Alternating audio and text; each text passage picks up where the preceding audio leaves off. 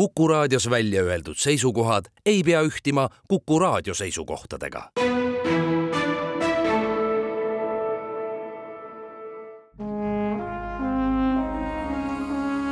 Vanemuise veerand. tere kõigile, Vanemuise veerand alustab. täna on saates külas Vanemuise draamanäitlejad. tere, Reimo Sagor. tere. tere, Veiko Porkanen. tervist. mina olen saatejuht Tiia Rööp.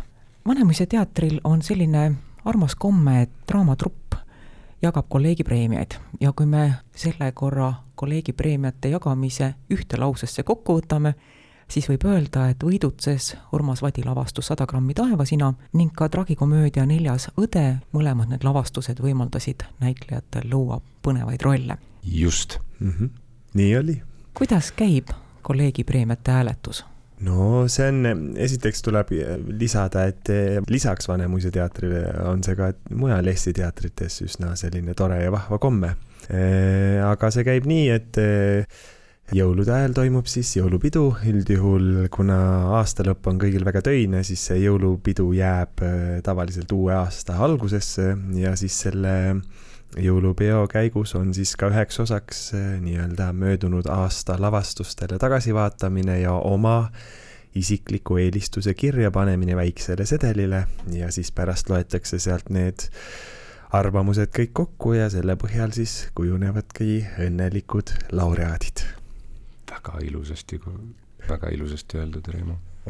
aitäh draamanäitlejad, Vanemuise teatri näitlejad valisid aasta parimaks lavastuseks Artur Alliksaare elust rääkiva Urmas Vadi näidendi põhjal Urmas Vadi lavastatud Sada grammi taevasina. kas te mõlemad valisite ka selle parimaks? muidugi nüüd ma esitasin küsimuse, mida ma ei oleks tohtinud küsida, sest kolleegi preemiate hääletamine, see on ju selline salajane asi, ega te ei räägi omavahel, et minu meelest sinu roll oli kõige parem, ma annan hääle sulle või teete seda ei, me ei räägi niimoodi omavahel, see on ikkagi äh, üldjuhul anonüümne jah. pärast võib-olla keegi tuleb, kui oled saanud äh, preemia, siis ma hääletasin sinu poolt, väga hea töö. aga äh, minu arust oli see väga hea valik, sest äh, minu arust meile mõlemale Reimoga ikkagi väga meeldib seal tükis mängida ja see on on, kannab endas mingisugust äh, värskust, mida on nagu näitlejale vaja tüki mängimisel. just. mina isiklikult ütlen, et ma üldjuhul ei hääleta ikkagi enda või nende lavastuste poolt, kus ma ise mängin. et ma nüüd enam tegelikult, kui päris aus olla, isegi ei mäleta, mis ma selleks parimaks lavastuseks enda jaoks panin, aga jah, seda mängida on igatahes tore räägime natukene sajast grammist taevasinast. selle lavastuse esietenduselt lahkudes jäi mind valdama tükiks ajaks ähm, kummaline tunne, mida ma ei oska sõnastada. see oli segu mõtlikkusest ja veel millestki. kui te esimest korda võtsite teksti kätte ja te teadsite, et te hakkate selles mängima, oli teil kohe äratundmine, et sellest tuleb üks äge lavastus? no kui mina seda esimest korda lugesin, siis ma olin küll üsna sellises äh, ma ei osanud ei midagi öelda ega mõelda, sest see kõik, kui see on ainult teksti kujul ja sa loed selle otsast lõpuni läbi, siis see on ikkagi väga selline ühelt poolt hektiline, teiselt poolt selline fantaasiast pakatav ja juba näiteks need remargid, mis sinna mhm. kõrvale olid kirjutatud, et eh, ma ei tea, kõhus hakkab helendama valgus või kuskilt kaugelt tuleb mingisugune, ma ei tea, valgus ja kuu ja mingid või ühesõnaga, see kõik oli kirja pandud ikkagi sellise nagu muinasjutulisena isegi natuke mm, -hmm. kui ma seda lugesin, et, et aga see, kuhu me jõudsime, on no,, ma ütleks ühelt poolt täiesti erinev sellest kujutluspildist, mis mul esialgu oli, aga samas väga huvitav, sest et noh, sellist maailma on ikkagi lahe luua nullist.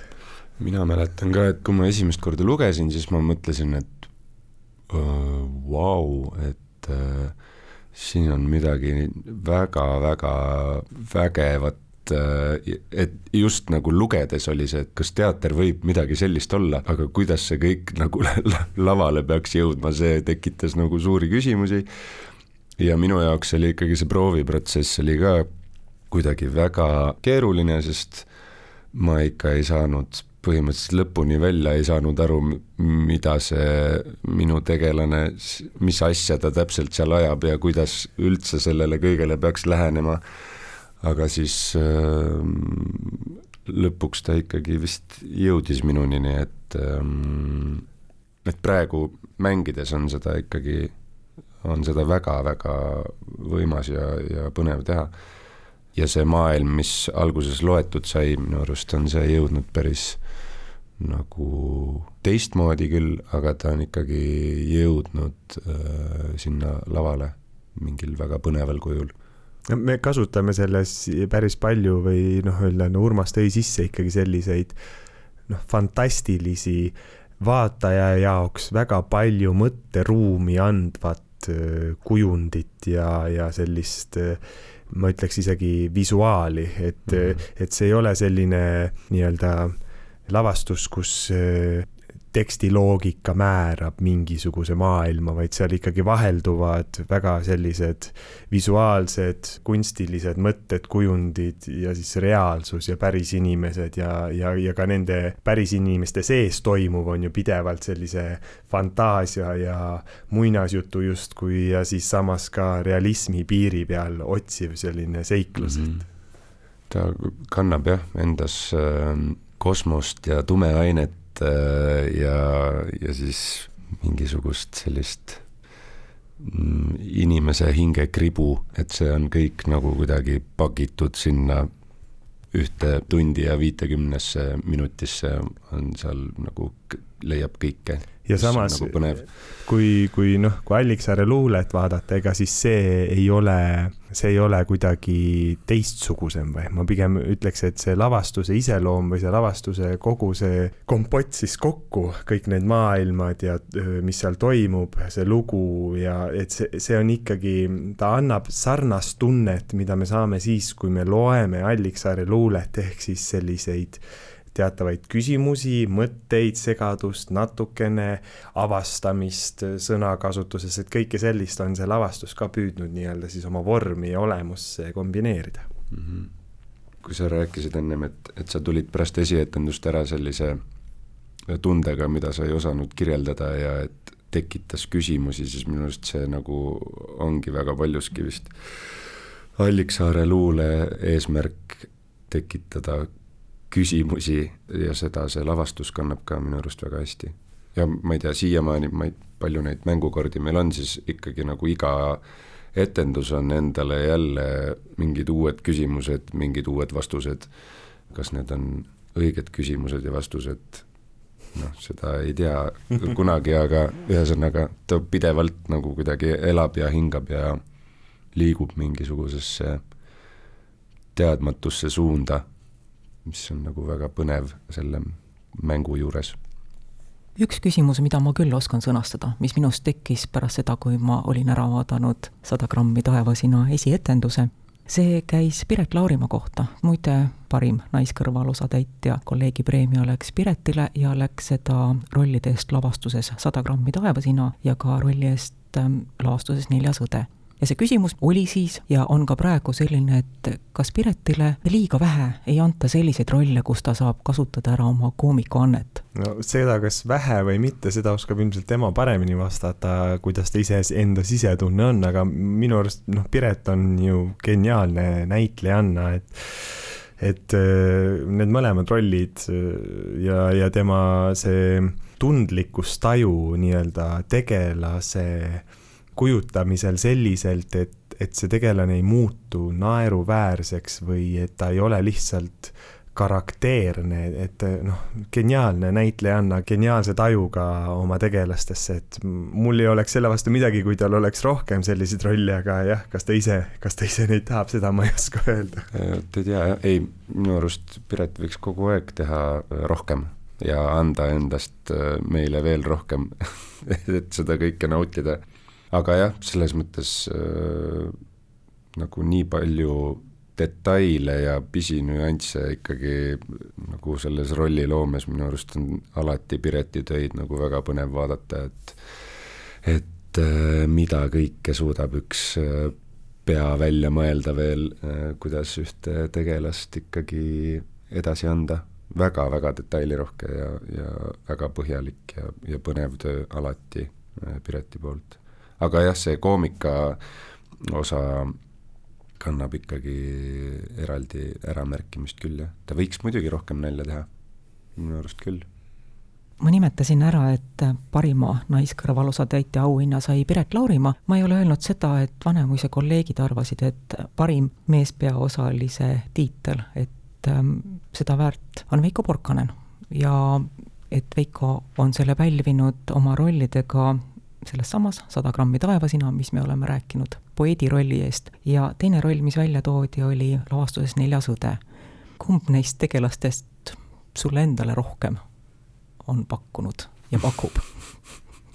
Nad on väga erinevad. väga erinevad. väga erinevad ikka poeeditegelane sajas grammis on andnud rohkem avastamisrõõmu iseendas ja üldse ma arvan, selles lavakeskkonnas ja kontseptsioonis üldse kuidagi jah, ma ei oska seda ka seletada, vist on see, see sada grammi on nagu mängimise mõttes ka üks paras müstifikatsioon, et mis ma täpselt seal teen, ma ei, ei oska kõike, ei ole seda vist kõike üle analüüsinud piisavalt. aga jah, just seda lavaruumi avastada minu arust on sajas grammis nagu minu jaoks vist kõige põnevam ülesanne tohutult naudin kõiki lavavahetusi, kus stseeni ei toimugi, aga kus lihtsalt peab punktist A punkti B liikuma selle tegelaseni, siis need on nagu minu jaoks vist selle lavastuse kõige magusamad või nagu põnevamad osad,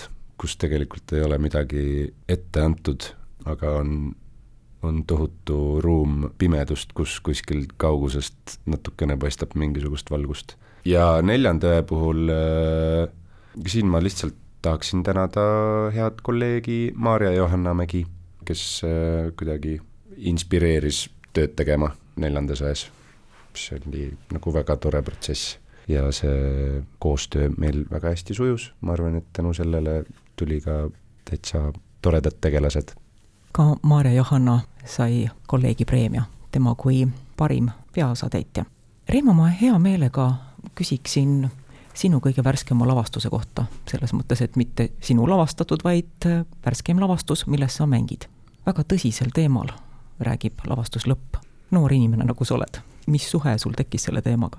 suhe tekkis väga, väga hea selles suhtes, et äh, noh, mis siin ikka nii-öelda keerutada, teemaks on ju surm ja suremine ja sellega hakkama saamine. aga kui me nüüd mõtleme natukene äh, kuidas siis öelda, võib-olla siis pragmaatilisemalt või et siis see on, see on ju lihtsalt elu osa, et äh, mingid erinevad põhjused võib-olla, miks me emotsionaalsel tasandil tunneme, et me ei taha sellega tegeleda või, või olgu see siis kasvõi, ma ei tea, kuidagi ühiskonnast tulev sõnum, et esmalt on kõigepealt vaja olla edukas ja noor, tugev ja osav, hea kõiges, mida sa teed ja lükkame siis selle nii-öelda surma ja kõik selle teema sinna tagaplaanile, ärme tegele sellega.